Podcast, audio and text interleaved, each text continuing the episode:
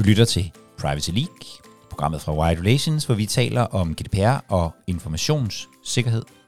Jeg hedder Jakob Høgh Larsen, og det du skal lytte til nu er en optagelse af vores ugentlige Privacy League Live, hvor vi diskuterer problemstillinger, som relaterer sig til GDPR og informationssikkerhed, sammen med en række af privacy-professionelle. Øh,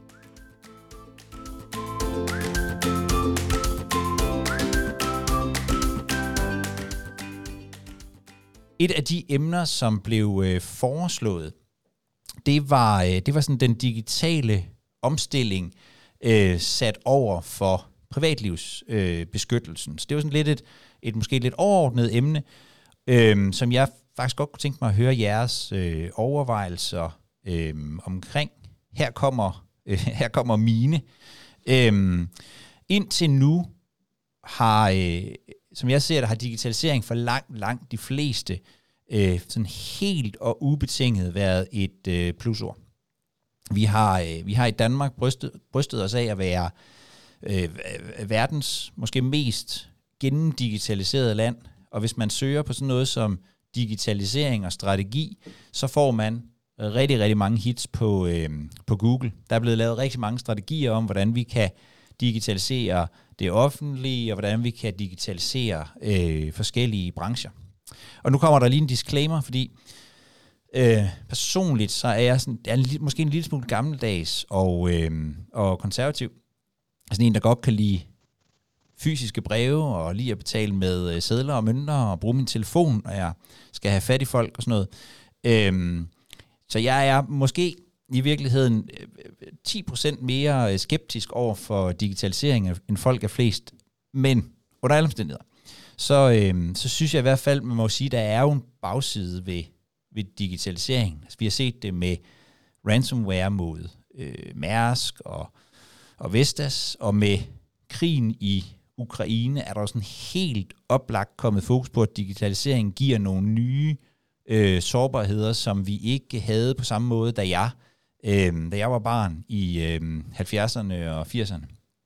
Øh, jeg synes, der har været øh, rigtig meget fokus på de, på de positive gevinster ved digitaliseringen, men det ser ud som om, at vi stille og roligt også skal til at begynde at forholde os til øh, den anden side, øh, risikoen. Og grunden til, at jeg synes, vi blandt andet, at vi skulle tage det op her i dag, er fordi, at i sidste uge indgik regeringen øh, en cybersikkerhedspagt med en øh, række organisationer. Der var nogle øh, industri- og, og arbejdsgiverorganisationer, og der var nogle øh, organisationer, hvor man, som det så smukt står, forpligter hinanden på at i gang sætte og koordinere indsatser, der skal styrke cybersikkerheden i de danske virksomheder, at udveksle data og viden om digitale trusler, og arbejde, samarbejde om at sikre synergi i arbejdet for danske virksomheders cyberforsvar. Sådan helt konkret, øh, så har man aftalt at mødes halvårligt øh, med henblik på at i gang sætte sådan nye initiativer og sikre en synergi mellem øh, nye og i gangværende indsatser. Drøfte fælles resultater og målsætninger og sådan noget. Der følger jo ikke nogen penge med. Det øh, siger måske lidt om, øh, jeg kunne måske lidt sige noget om, hvor, hvordan vi vægter øh, risiko i forhold til mulighederne, når det kommer til, til digitalisering. Det kan være, at nogle af jer har, har indsparket der. Det gjorde der jo dog for nylig med den her pulje på øh, 50 millioner øh, til at støtte SMV'ers øh, IT-sikkerhed, som, som nogle af jer sikkert har, har, øh, har lagt mærke til, eller måske endda kunne søge penge i. Personligt tænker jeg, at der stadig er, øh, som sagt, knap så stor øh, fokus på sikkerhedsrisikoen, som der er på at udnytte gevinsterne. Øh, men det er da godt, at vi kommer i gang. Og grundlæggende så er der jo tre, kan man sige, tre former for risici, øh, som vi nok i praksis ofte blander lidt sammen. Der er risikoen for virksomheden. Altså, kan jeg stadigvæk drive min virksomhed efter et øh, øh, angreb eller et anden form for øh, system øh, nedbrud? Så er der risikoen for mig som, som menneske. Altså, kommer mine data ud og bliver udnyttet på den ene eller den anden måde. Og så er der det her med risikoen for, for samfundet, som måske er det, vi er begyndt at frygte med, med Ukraine. Altså kommer der nogle angreb som i virkeligheden er designet til at sætte vores, øh, altså øh, sætte Danmark ud af kraft, fjerne Øh, øh, energinettet, eller i hvert fald bryde det ned på en eller anden måde. Øhm, og der kommer der jo noget lovgivning snart, juni måned, øhm, som er den her, øh, den hedder NIS 2, og, og handler om øh, netværks- og informationssikkerhed. Øh, den havde jeg en snak med Emil Bisgaard fra Kammeradvokaten om øh, i går, fordi den kommer faktisk til at omfatte langt flere virksomheder, end, øh, end man tidligere har, har, øh, har set i, i den her form for lovgivning. Tidligere var det meget sådan noget med den finansielle sektor og energisektoren, men nu er der faktisk også rigtig mange en og sådan mellemstore fremstillingsvirksomheder og fødevarevirksomheder og kommuner og sådan noget, som formentlig vil blive omfattet øh, af de her regler, og dermed øh, blive underlagt nogle ting omkring, øh, omkring i hvert fald sikkerhedsdelen. Som jeg ser det, øh, så er der sådan tre behov ude i virksomhederne. Det her, jeg godt kunne tænke mig at høre, hvad I tænker, øh, i forhold til det her med at beskytte både personoplysninger, men i virkeligheden også andre former for data.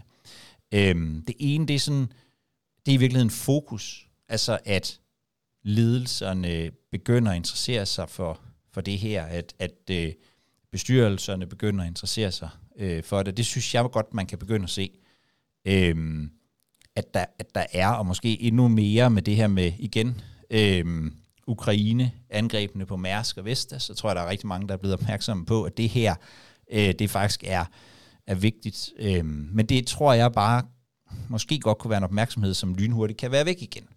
Øh, men, men jeg synes da dog trods alt, vi ser den. Så, øh, så tror jeg, der er et behov for endnu mere struktur i arbejdet med sikkerhed og persondata øh, beskyttelse. Jeg synes faktisk, at rigtig mange virksomheder er blevet rigtig gode til det på GDPR.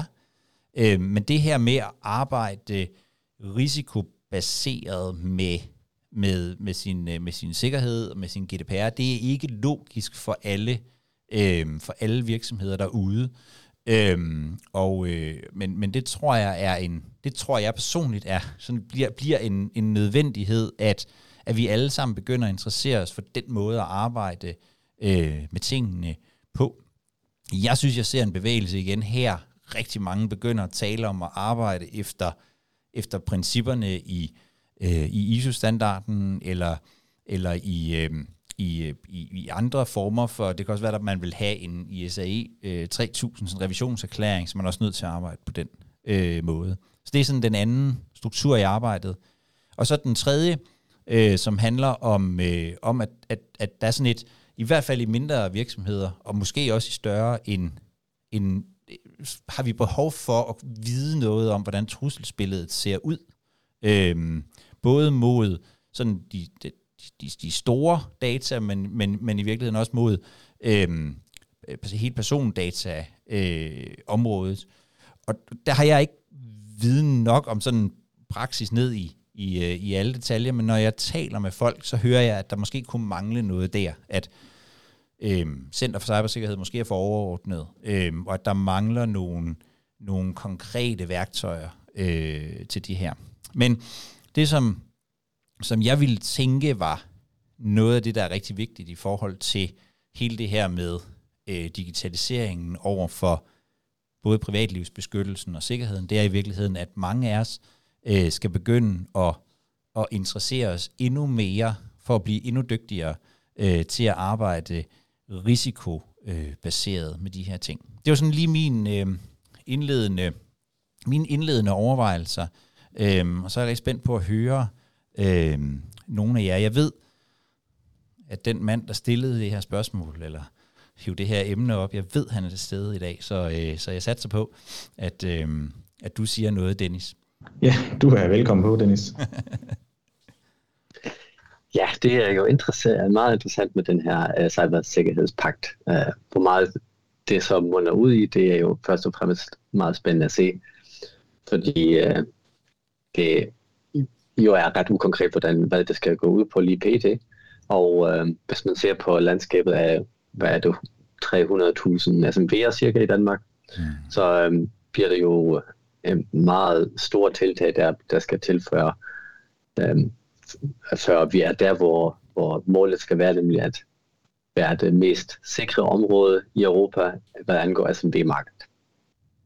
Så øh, ja, jeg vil sige, at det at overhovedet at få nok ressourcer til at drifte sådan en igangsat sikkerhed, hvis, den er, altså, hvis den er opnået, og at drifte for eksempel uh, sine ISO-certifikater, uh, øh, sine revisorklæringer, uh, øh, generelt arbejdet med GDPR og, og informationssikkerhed, så vi har sat i de her rammeværker, der, der opfordrer til, uh, uh, at man arbejder cyklisk med det hvert år. Uh, at tilføre de uh, ressourcer til SMV'er, det, det tror jeg bliver måske det uh, sværeste, fordi alle kan sættes i gang med uh, fælles uh, redskaber, um, som vi indtil videre kunne have set som noget som sikkert digitalt og DK og så videre. Um, der vil der så nu være behov for andre værktøjer og vejledninger og, og, og ja, ligesom implementeringsplaner. Måske endda, uh, man kunne jo håbe på, at der er noget legal tech, der kan hjælpe på tværs af alle SMB'er, som uh, så enten ikke er så dyrt som de andre, uh, noget der kan blive for en SMB, mm. men er mere tilgængeligt også. Uh, hvis, man, hvis man er kommet over det, og har de her værktøjer, som måske kan udvikle sig at drifte den resterende opgave, tror jeg, at det, hvor uh, det kan blive problematisk igen. Uh, for de fleste ledelser eller, og topledelser er det jo øh, Øh, hvis man ser på hele billedet, der er risici for en virksomhed, plus det, at øh, man gerne vil også være kommercielt og, tjene penge på og lave en forretning ud af det. Så at, øh, øh at prioritere IT-sikkerhedsområdet og GDPR-området øh, kan for mange topledelser være en, en strategisk øh, beslutning. Og det kan også være en lige så strategisk beslutning ikke at gøre noget inden for I-områder øh, fordi man måske ligesom lakker ressourcer, og ikke kan bruge alle sine ressourcer kun på et område, der er så reguleret og så teknisk, at øh, det har brug for indsigt. At arbejde på den måde er jo ret mod agilitet, mm. fordi man netop arbejder i årscyklus, øh, gentager, dokumenterer, øh, have procedurer, man skal følge. Øh, det er ret uagilt jo. Dennis, det var dig, der, øh, det var dig, der i virkeligheden skrev det her med, øh, med, med, med sådan digitaliseringen op mod øh, persondatabeskyttelsen. Kunne du, kunne, kunne, du sætte, kunne du sætte nogle ord på, hvad det var, du tænkte, da du skrev det? Ja, især i forhold til digitalisering, øh, som jo... Øh, øh, nu, nu kommer jeg fra en øh, to del baggrund, altså to nation, øh, nationaliteter, øh, tysk og dansk. Og så ser jeg selvfølgelig også, hvordan kulturen især i digitaliseringsområdet øh, har været i Tyskland og i Danmark. Ja. Øh, hvilket jo er en ret god komparativ analyse, man kan tage der, fordi de er så tæt på hinanden og så lige, men så, så også meget ulige i, i kulturen. Mm. Øh, og jeg kan se, at øh, der selvfølgelig er en hel del øh, positivt i øh, den digitalisering, som Danmark har gennemført, øh, gennemført og øh, som ligesom er det, som Tyskland stadigvæk har brug for, for at det hele løber lidt mere rundt, end uh, det gør. Uh, især i forhold til mindre administrative ting. Uh, så kan jeg lige så godt se, at uh, Tyskland måske har taget et, uh, et skridt tilbage og har taget konsekvensanalyserne før de implementerede ny teknologi, hvor Danmark har mere været en uh, ny øh, altså et innovationsland, der gerne vil være ny på alle fronter og bleeding edge, hvis det kan være, lade sig gøres. Mm. Og, øh, og det, der følger jo også forpligtelser med det. Især hvis det er, altså, jo, jo nyere det er, jo mere vil jeg sige, konsekvensanalyser burde man så gøre. Øh, og, øh, og det er blevet taget imod med åbne hænder og åbne arme i Danmark, hvor i Tyskland man stadigvæk er lidt paranoid og måske meget skeptisk, og, og især uh, altså, det mindste tvivler på alt det er digitalt, og der skal um, have noget med ens identitet at gøre, eller med sin bankdata, eller det helligste, man har.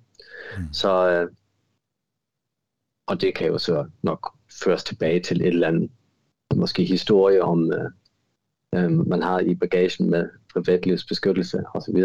Uh, i, øh, I Danmark har man så ikke haft de øh, frygter, og det har jo så ført til, at vi kan alle sammen bruge de samme digitale midler lige nu, næsten alle.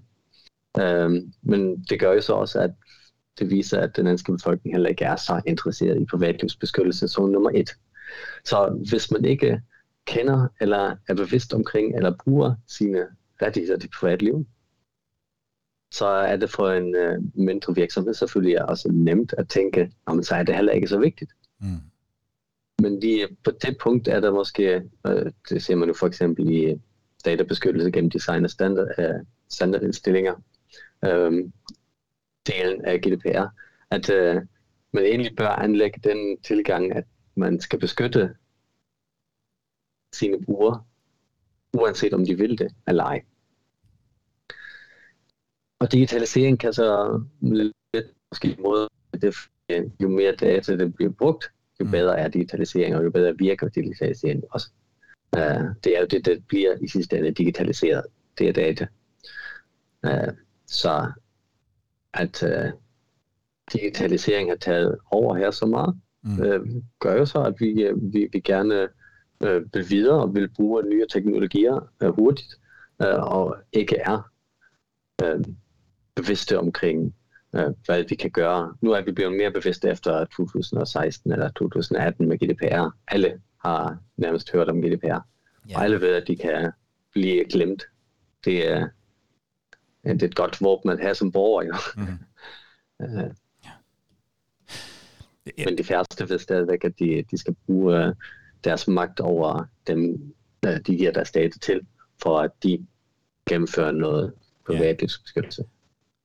Øh, jeg, tænker, jeg tænker, det, der, der er noget interessant, det du siger omkring øh, det her med sådan en modstilling mellem, øh, mellem innovation og, og, og, og digitalisering, og så, og så sådan en, en mere sådan systematisk tilgang til, til privatlivet og, og til at håndtere det, og den der øh, forskel, som jeg også, vi, vi, vi, vi, vi, vi samarbejder med nogle, også med nogle, med nogle tyskere, og man ser jo simpelthen helt, altså, er jo fundamentalt anderledes, man ser på det øh, i, i, øh, i Tyskland, og som du siger, det har nok muligvis noget med noget historie at gøre sådan noget. Øh, men, men det her med, hvordan, hvordan kan vi som, øh, som, som GDPR i virkeligheden måske bruge nogle af de her øh, privacy øh, by design og, og standardindstillinger og sådan noget, hvordan kan vi bruge det til at komme med ind øh, i, øh, i processen i virkeligheden? Det tror jeg jo helt klart, at, øh, det, det lænder så meget op af hinanden. Øh, at gennemføre GDPR-forpligtelser ligner at gennemføre IT-sikkerhedsforpligtelser eller uh, IT-sikkerhedsforanstaltninger uh, ret meget. Så mm. det, det giver en god synergi og, og dynamisk samspil at, at bruge de samme tilgange der. Ja. Og være lidt mere byråkratisk i den del. Det er nu engang administrativt arbejde.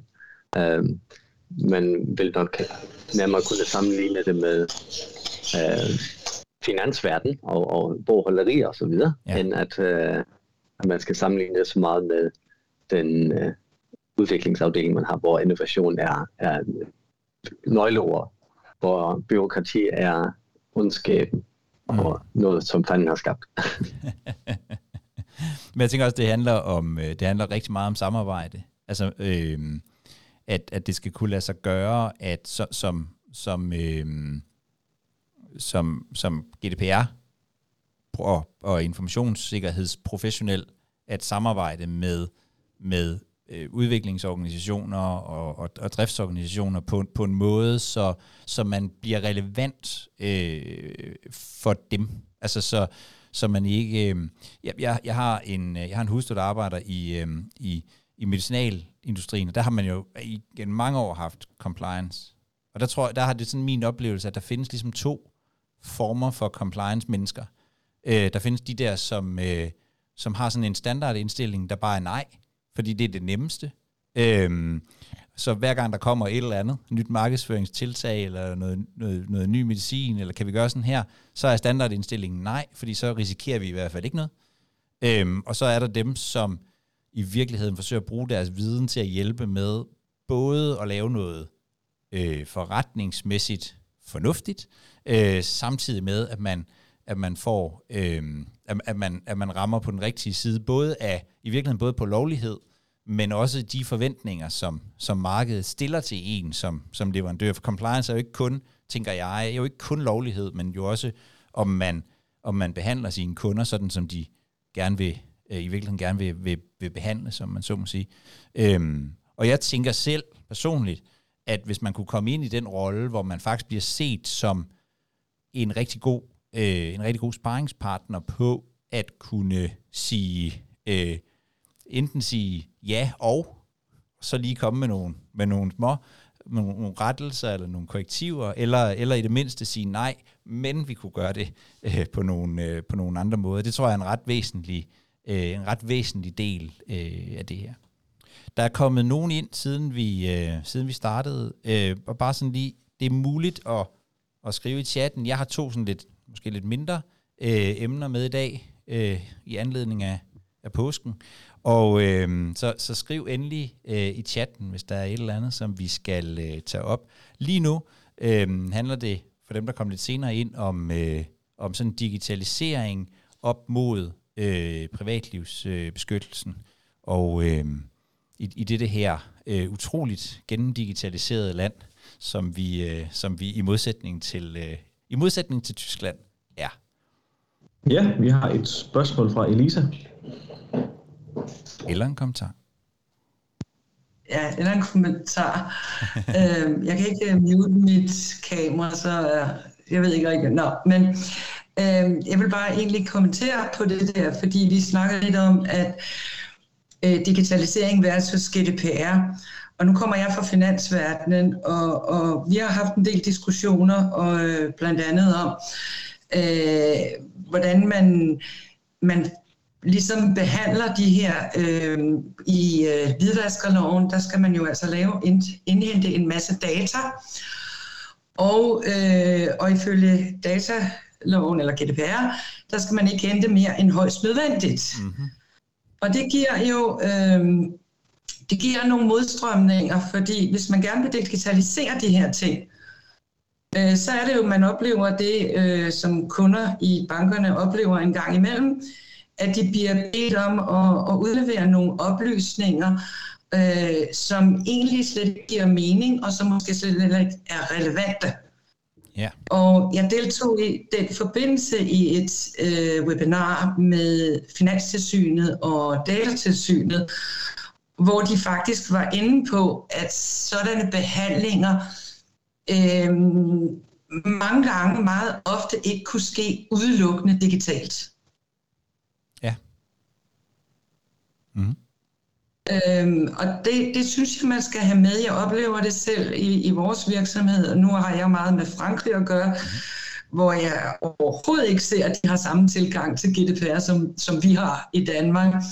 Men, men øh, der oplever jeg meget det der med, at man er nødt til at gå ind som, øh, som menneske og kigge på, på tingene. Digitaliseringen kan ikke klare det hele. Det var bare en kommentar. Og, og, og super relevant ting. Jeg, jeg, har selv, øh, jeg har selv lavet compliance i, øh, i, den, øh, i den finansielle sektor, og har nogle gange, øh, og nogle gange koketteret med, at hvis, øh, hvis, øh, hvis tredje lande øh, havde hvidvaskregler som dem, vi har, så er et spørgsmål om, om det ville være et sikkert tredje land. Altså, i virkeligheden er hvidvaskreglerne jo på mange måder øh, på, på en eller anden form for, for, for kollisionskurs med, øh, med, med, hvad hedder det, med GDPR-reglerne, fordi vi indsamler absurd mange øh, informationer om folk og beholder dem i øvrigt. Øh, det gælder jo også sådan nogle, øh, hvad hedder det, altså det hele det her med, at man skal kende sin kunde, og lige pludselig ligger man inde med utrolig mange øh, oplysninger, som, som jo kun er relevante for ganske, ganske få af de registrerede, nemlig dem, som vil snyde. Øhm, og det er jo heldigvis øh, i, øh, i, i de fleste finansielle virksomheder ret få, øh, der, der, der faktisk vil det. Øhm, og det er en... Øh, det, det, det synes jeg er, er, er, er super relevant. Og i virkeligheden også det her med, jamen skulle man, skulle man i virkeligheden vælge at indsamle noget af den her information, øh, uden at digitalisere den? Fordi det så i hvert fald vil mindske øh, risikoen for, øh, for nogle ting. Det synes jeg, altså, det, det, er en ret, øh, det er en ret relevant, øh, ret relevant kommentar, synes jeg. Og den kommer nok også andre steder, Plus. fordi, fordi vi, vi jo har sådan en, der er jo lidt en tendens til, at hvis, hvis noget kan lade sig gøre, altså hvis vi kan opdage et eller andet øh, ved at køre nogle, øh, køre nogle registre sammen, eller ved at bede folk om at oplyse os om det, eller sådan et eller andet, jamen så, så kan der godt være en tendens til, at i hvert fald det politiske system godt kan lide, at vi gør det. Altså, øh, hvidværssystemet har vi jo for at opdage øh, forbrydelser, og hvis vi ikke havde det, men opsamlet færre jamen så, oplysninger, jamen så ville vi få øh, flere forbrydelser. Og det er spørgsmålet, om vi om, om, om det politiske system i virkeligheden kan leve med det. Så jeg, jeg ser sådan flere og flere steder, hvor nogle af de her ting i virkeligheden kommer ind, som jo er problemet i, i den finansielle sektor, nemlig at vi beder virksomhederne om at være en del af øh, politimyndigheden. Og det kræver, ja, at man øh, indsamler utrolig mange oplysninger, som går meget, meget tæt på, på folk. Og så standardiserer man oplysningerne, sådan som man får at gøre det, fordi det vil kræve absurd mange penge at, at, at følge hvidvaskloven. Øh, så for at spare penge, så digitaliserer man indsamlingen, hvilket gør, at den bliver standardiseret over for alle. Mm-hmm. Øh, og det giver så også nogle problemer i forhold til GDPR-reglerne. Fordi der opsamler, eller man indsamler ikke kun det, der er nødvendigt. Nej. Man indsamler absurd mange oplysninger. Ja, man indsamler i virkeligheden, i virkeligheden, når jeg, når jeg arbejder med min bank, så indsamler man oplysninger på mig, som om jeg var i søgelyset for en eller anden form for kriminalitet. Ja. Øhm, og og øh, i stedet for... Det er det, man gør. Ja, fordi man har digitaliseret det. Det, det er... Øh, det er en interessant problemstilling, som den finansielle sektor har rigtig meget, øh, men som i virkeligheden også sniger sig ind andre steder. Øh, jeg så øh, en ejendomsmaler, der i dag havde lavet et opslag om, at han havde, øh, han havde fået øh, betaling for et øh, hus i, øh, i kontanter. Øh, det var så heldigvis matadorpenge, så, øh, så der var kommet en overførsel. Men, men betaler man øh, med kontanter nede i en virksomhed, eller, så, så skal man jo, så bliver man helt automatisk registreret efter efter de her regler hos en ejendomsmaler eller en advokat, eller i virkeligheden rigtig mange øh, andre steder. En urmager, for den sags skyld. Øhm, så, så, så der er nogle, øh, der er nogle afvejninger her, som jeg synes er, er super interessante. Tusind tak for det input, Lisa. Mm.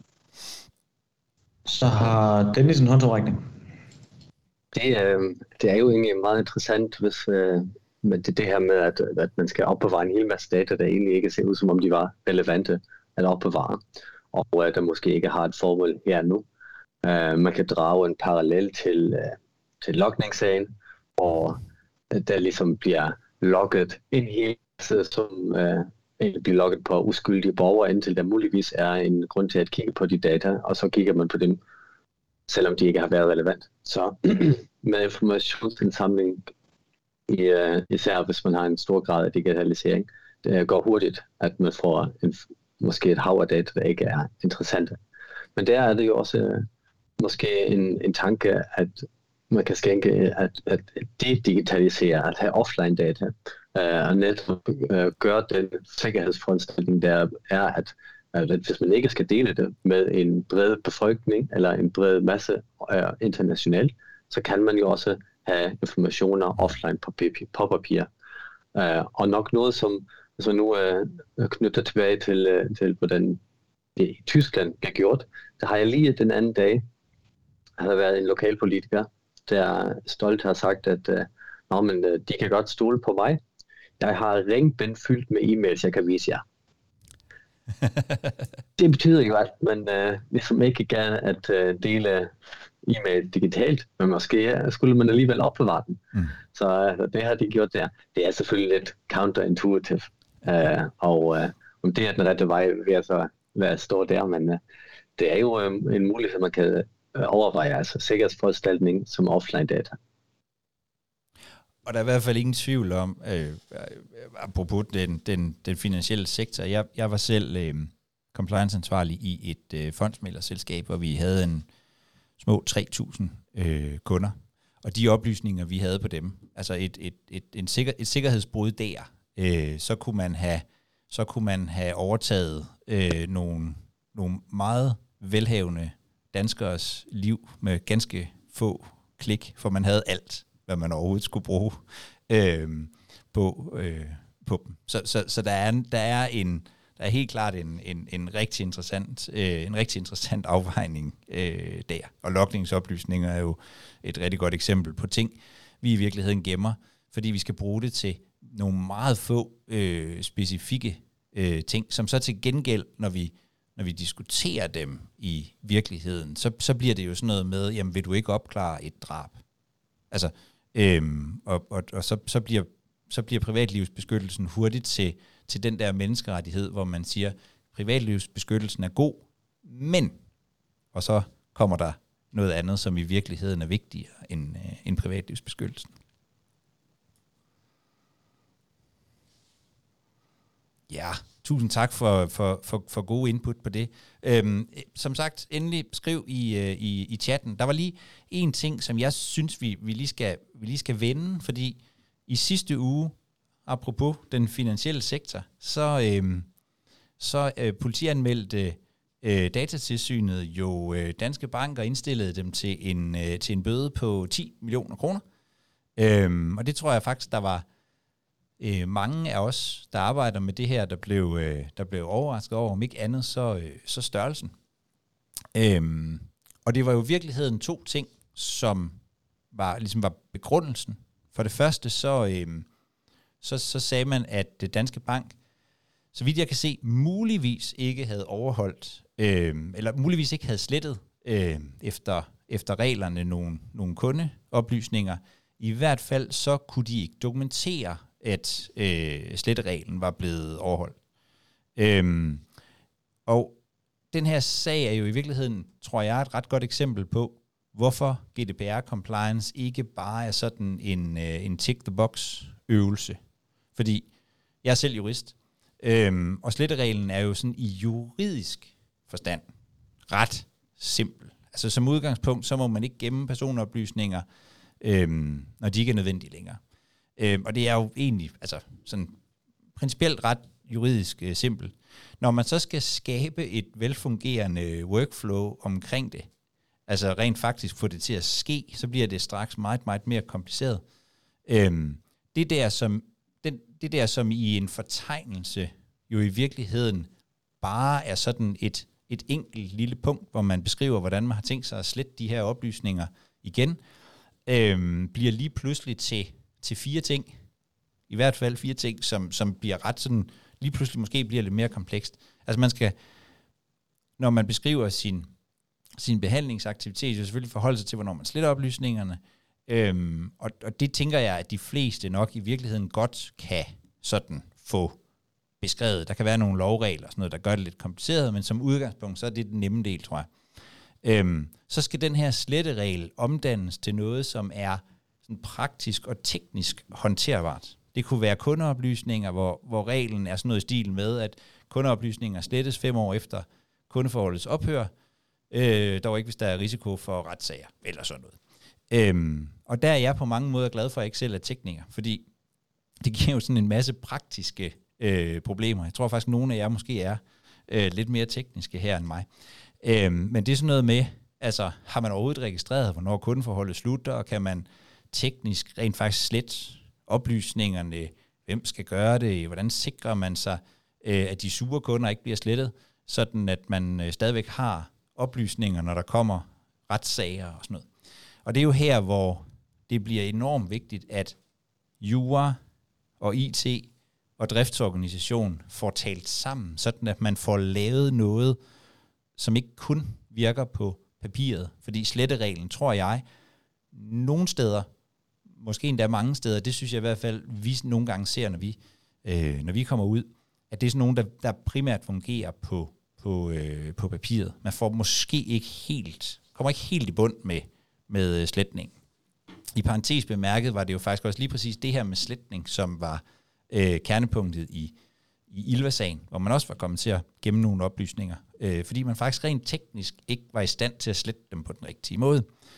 Øhm, og så hvis man så er i stand til at overholde de her, så siger det her, øh, den her, øh, hvad hedder det, politianmeldelse jo i virkeligheden også noget andet, nemlig at man skal kunne dokumentere, at man gør det. Så man er også nødt til at kunne øh, kontrollere, om man gør det. Typisk vil det jo nok være en eller anden form for stikprøvekontrol, vil jeg tænke, øh, når det handler om, om slettereglerne. Og så skal det hele kunne, skal det hele kunne dokumenteres. Øh, den måde, jeg selv har arbejdet med det på, er, at dengang jeg var øh, compliance-ansvarlig i, øh, i, den, øh, i den finansielle sektor, der øh, rapporterede jeg øh, kvartalsvis til min, øh, til min bestyrelse, simpelthen fik, fik dokumenteret øh, reglerne, ikke nødvendigvis slettereglerne, det kunne være alt muligt andet også, øh, hvad det var for en kontrol, jeg havde udført, og så de øh, initiativer, der skulle, skulle tages for at komme i mål med det, vi, øh, med det, vi skulle.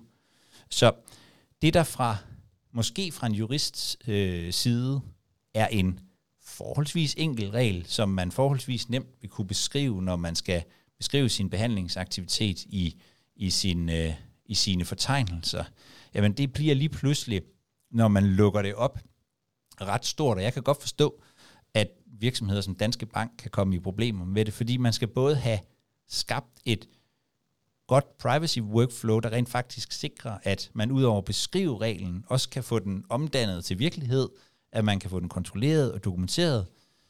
Og så kræver det, øh, tror jeg, et kæmpestort øh, samarbejde, som jo i en, i en øh, stor bank øh, bare er endnu værre end i en lidt mindre virksomhed, som jeg selv var i. Det kræver stort arbejde mellem jura, IT og forretningen, at rent faktisk at få det til at fungere i praksis og, og ikke bare i, i teori. Derfor synes jeg faktisk, at det, lige præcis den her øh, politianmeldelse, nu må vi se øh, bødestørrelsen, det er jo sådan i sig selv, og bliver den sat ned og sådan noget. Men, men mere det her med, at, at jeg synes, det viser både den og Ilva-sagen, at noget af det, som er måske er allersværest, øh, det er at få reglerne til at fungere i virkeligheden. Hvordan får man så det? Ja, så har vi Dennis på igen. Ja, så ser man på den her Danske Bank-sag, og uh, skruer man lidt ned på nullerne, så, så kunne man godt uh, tænke, at det, det kunne være sådan for min virksomhed, for min SMV for mm. eksempel. Mm. Uh, jeg tror, det er ikke en uh, kendt øh, situation at stå i, at man siden det såkaldte paradigmeskifte, hvor uh, først hed det digitalisering, mere data, super fedt, så kom GDPR, så skal man tænke helt anderledes. Og det paradigmeskifte, det har været svært at omsætte, og, og så mange sidder nok i samme situation og tænker, nå, vi har måske ikke 400 systemer med persondata. Vi har dog et ukendt antal, hvor vi ikke helt ved, hvor mange vi er, fordi vi ikke taget den, øh, den chance, der hedder at øh, kigge på hele organisations øh, værktøjer og alle afdelingers lille værktøjer, som de internt bruger til, hvad de så kan bruge det til. Så øh, det, det ender jo så med, at man tænker, nå, okay, så hvis jeg skal slette noget nu, hvordan får jeg lige gjort det, uden at det bliver for meget manuelt arbejde? Mm. Og jeg tror, det bliver det bare manuelt, indtil man har fundet en datastruktur, og, altså et datamodel, og, og give et eller andet sammenhæng til alle de forskellige netværk, man har, eller de systemer, man har, og, og de værktøjer, man bruger. Øh, fordi øh, laver man engang sin fortegnelse, og skriver man ind, at øh, okay, kundedata, det bliver slettet efter fem år, så, så findes der jo en masse slags kundedata. Mm-hmm. Der findes kundedata som et, et profil i øh, systemet for, for support.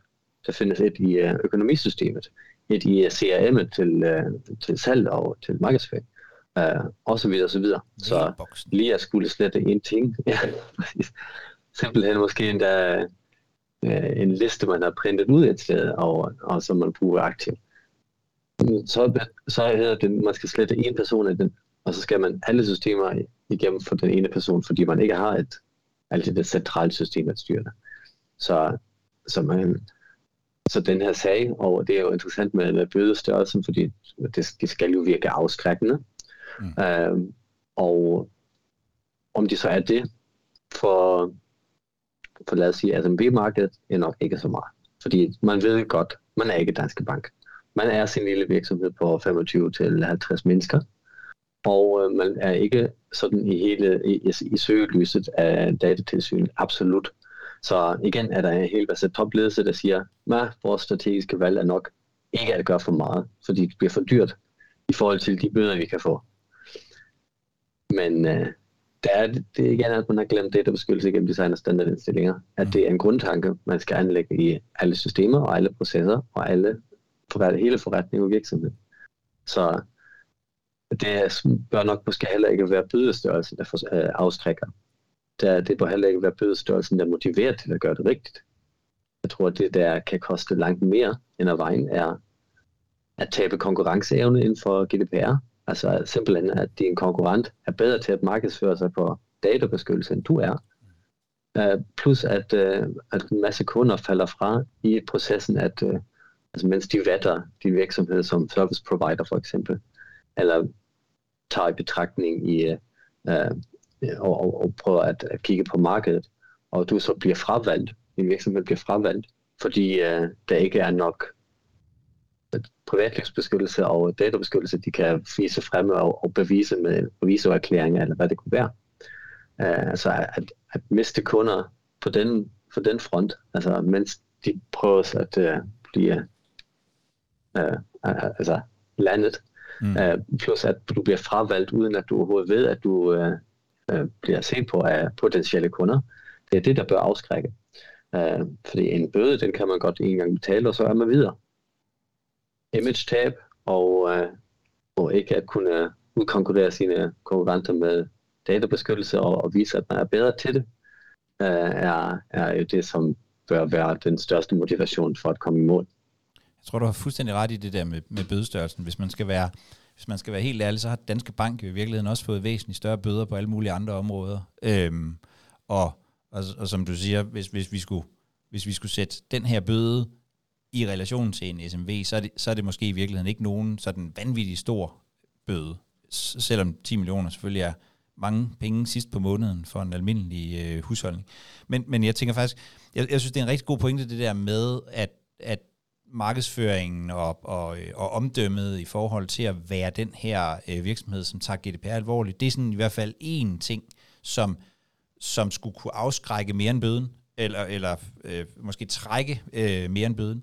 Det andet, tænker jeg også, det er i virkeligheden, at, øh, at det også er en mulighed for at få bedre overblik over sin, sin datastruktur i virkeligheden. Altså, at hvis man kan lave et, et i virkeligheden kan, kan arbejde med, at, at data ligger mere systematisk øh, i virksomheden. Øh, jeg, jeg tror, der er en tendens til, at fordi datakraft er så billigt og har været så billigt, som det er, så, så, har, vi, så har vi ikke ryddet op helt på samme måde, som vi ville gøre, hvis vi skulle, hvis, hvis vi skulle øh, arkivere det hele som øh, papir, og dermed have nogle rigtig, rigtig store øh, øh, lagerbygninger et eller andet sted. Øh, altså at, at i virkeligheden, så ligger der også en, en opgave måske i, og det kan godt være, det ikke er GDPR-folket, men måske mere er informationssikkerhedsfolkene øh, øh eller IT-afdelingen, øh, altså i at få, at få struktureret og få, at få lavet den her ledelsesmæssige opgave og forandre, at man for eksempel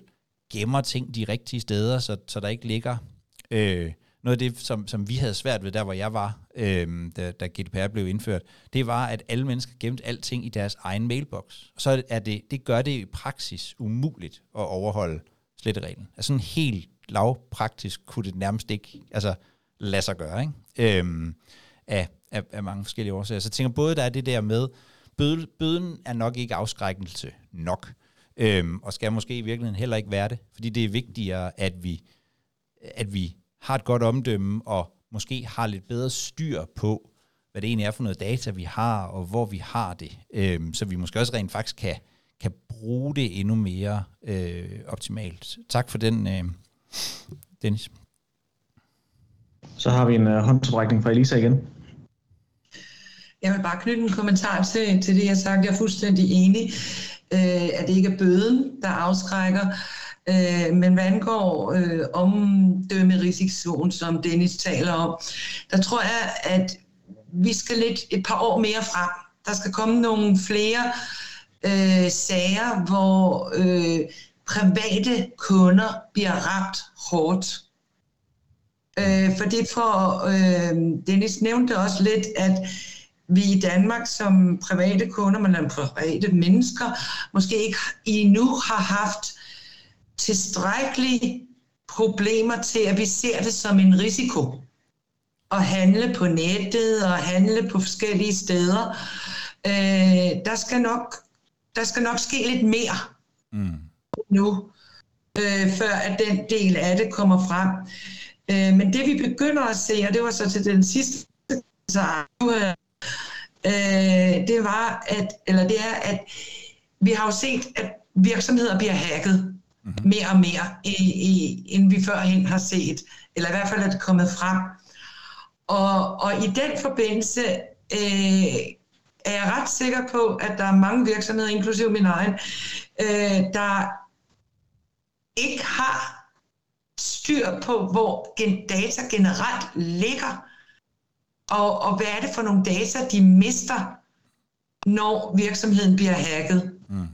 Og det, det tror jeg er, er den, man skal fokusere ret meget mere på i forhold til sin ledelse.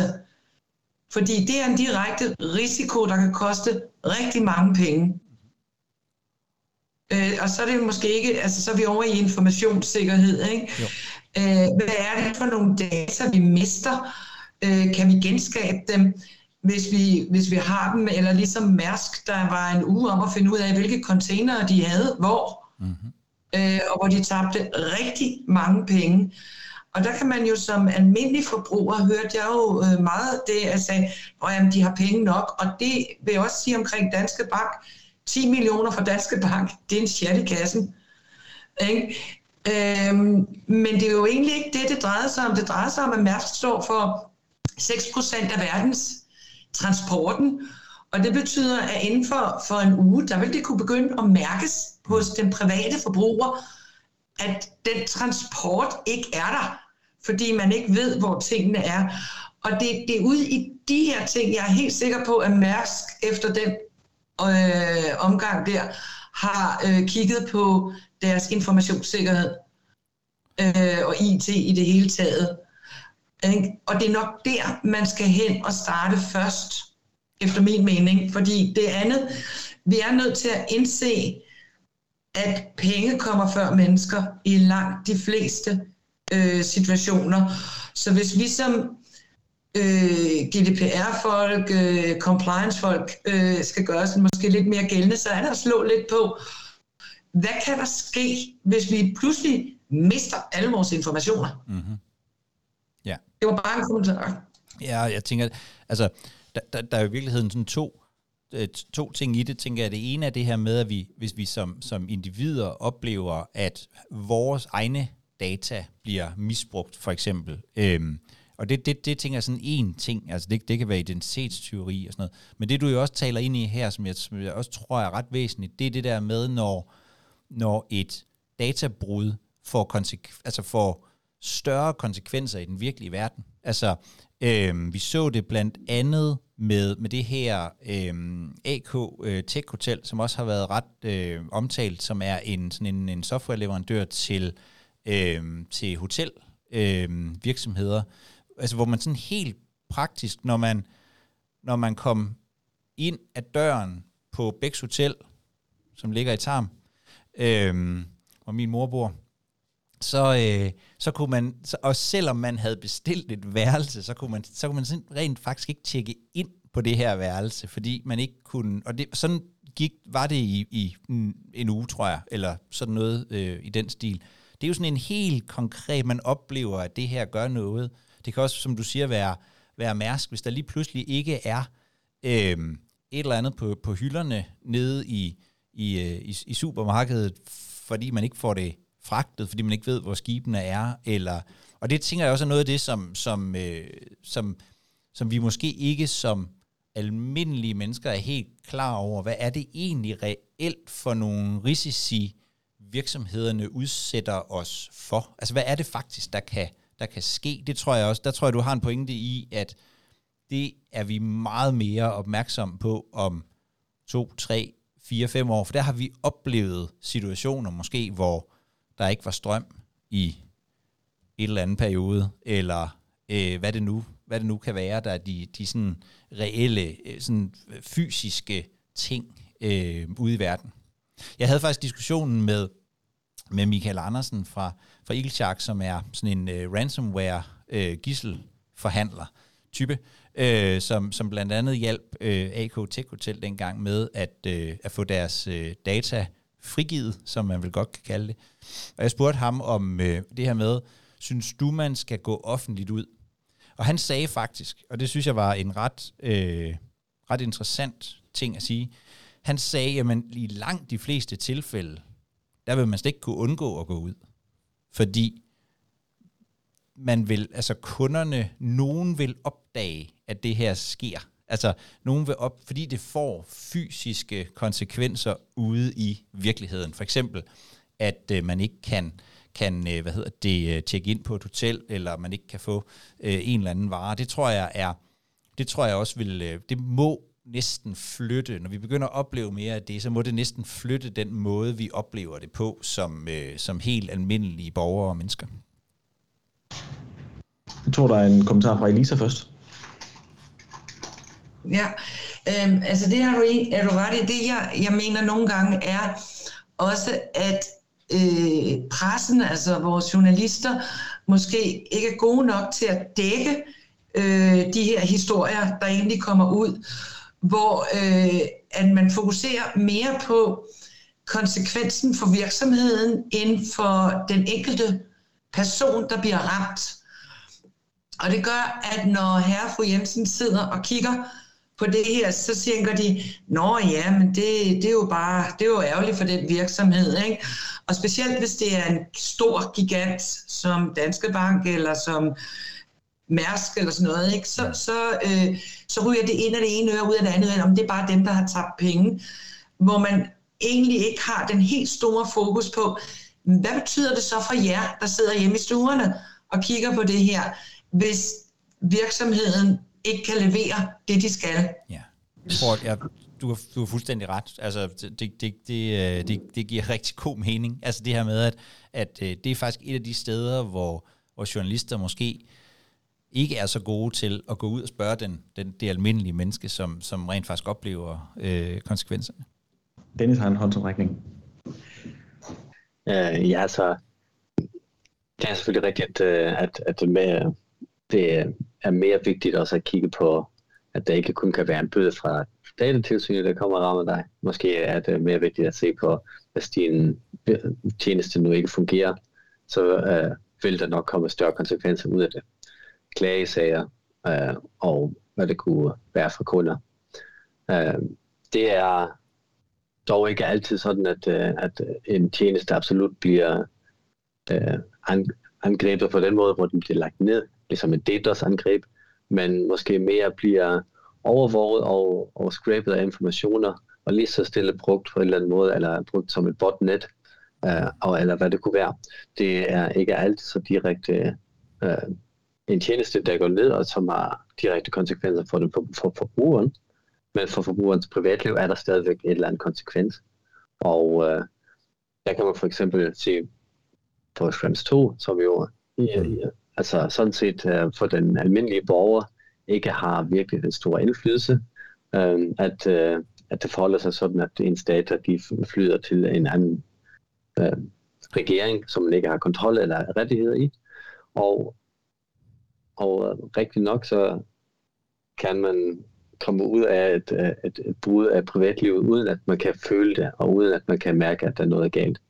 Um, så det er jo så lige så vigtigt at, øh, at se på både den side, der hedder, der er et eller andet incident, mm. som man vil forhindre, og hvor man vil forhindre, at man på grund af det får en bøde, øh, men samtidig også sikre, altså ikke kun den negative tilgang, men den positive tilgang med, at man, man prøver at øh, få skabt tillid ved øh, at undgå klagesager fra kunder, øh, og undgå for høje kundekrav, som man ikke kan opfylde, undgår, at man får problemer at få nye kunder, undgår, at man har alt for meget tidsspil i tilsyn fra kunder, det er at føre tilsyn med din sikkerhed, uh, i stedet for at opbygge en tillid, der ikke kun går ud på, at du bliver nok ikke ramt her i min mm. virksomhed, men udover det, så passer vi på dine persondata og privatliv, selv hvis du ikke engang kan uh, passe på det rigtigt selv. Ja. Uh, den form for tillid er jo den negative og den positive øh, tillid, man har til ens dataansvarlig. Og, og de her øh, de her samfundsmæssige øh, risici, som tror jeg for mange virksomheder måske er nye at forholde sig til, fordi man måske mest har forholdt sig til den registrerede, når man taler om GDPR, man har forholdt sig til sin egen øh, virksomhed. Øh, de, der kommer jo det her nye øh, NIS 2, som, øh, som er en, en, en opfølger på, på NIS, som, som nogen af jer vil have oplevet. Øh, I, har op, I har den jo i den finansielle sektor, Elisa. Øh, men, men, øh, men der kommer man til meget, meget væsentligt at udvide de øh, virksomheder, som man anser for at være øh, væsentlige og vigtige for, øh, for samfundet. Øh, her kan jeg egentlig måske virkelig bare opfordre til, fordi jeg er ikke super ekspert på NIS, men det øh, er Emil Biskov fra, øh, fra Kammeradvokaten. Ham havde jeg i studiet i går, så hvis I følger vores podcastkanal, så vil I kunne, øh, kunne få sådan en indflyvning til, hvad det her univers egentlig er for et. Fordi sandheden er, at øh, mange af vores virksomheder vil blive ramt enten direkte af direktivet, fordi man er en fødevarevirksomhed, eller fordi man producerer et eller andet, som faktisk er er vigtigt for, øh, for samfundet. Øh, og det kan også godt bare være øh, Øh, øh, ventilatorer eller sådan noget. Der er mange fremstillingsvirksomheder i virkeligheden med også. Øh, eller også så bliver man ramt, fordi man kigger rigtig meget nu på, øh, på forsyningskæder. Så hvis man leverer ind til nogle af dem, som er vigtige og væsentlige, så bliver man øh, ramt af nogle af de her regler. Måske øh, noget, man kunne øh, kigge på, men ikke i øh, påskeferien. Der synes jeg, I skal holde en, øh, en, øh, en super fortjent, øh, en super fortjent påskeferie. Det, øh, og så, så krydser jeg øh, fingre for, at der ikke er nogen databrud i jeres, øh, i jeres virksomheder, der skal anmeldes til, øh, til datatilsynet før efter øh, påsken, så I kan, øh, så I kan nyde, øh, nyde livet lidt øh, de næste par dage. Øh, tusind tak, fordi I, øh, tusind tak, fordi I var med øh, og gad at bruge sådan den, den, den sidste eftermiddag øh, inden, øh, inden helligdagene sammen med, øh, sammen med mig. Øhm, vi er tilbage igen øh, om, en, om en uge, øhm, øh, hvor der sikkert er lidt flere mennesker på, på øh, arbejde. Jeg kommer med fra, fra Norge, hvor jeg er på digitaliseringskongres op. Øh, så, øh, og det er et sikkert tredje land, det diskuterede vi sidste gang. Øh, hvis I har et eller andet, som I synes, det kunne være fedt at tage op og sådan noget. Vi, vi, vi fik en del emner øh, sidste gang, men skriv endelig Øh, I kan skrive ind i chatten her, eller skrive til mig på jakob med c wiredrelations.com og bare skriv alt, hvad I nu øh, synes. Jeg, øh, jeg kan også tage en, øh, tage en, tage en ekspert i, i hånden, hvis det er noget, øh, jeg ikke ved noget om, og tænker, at det kunne være ret fedt at få et, et andet øh, perspektiv på, så, øh, så gør jeg det. Lige nu vil jeg bare sige øh, tusind tak, fordi I øh, var med i dag. Du har lyttet til Privacy League Live. Og hvis du selv vil deltage i de her liveudsendelser og give dit besøg til kende, ja, så er du velkommen til at tilmelde dig på widerelations.com-pl.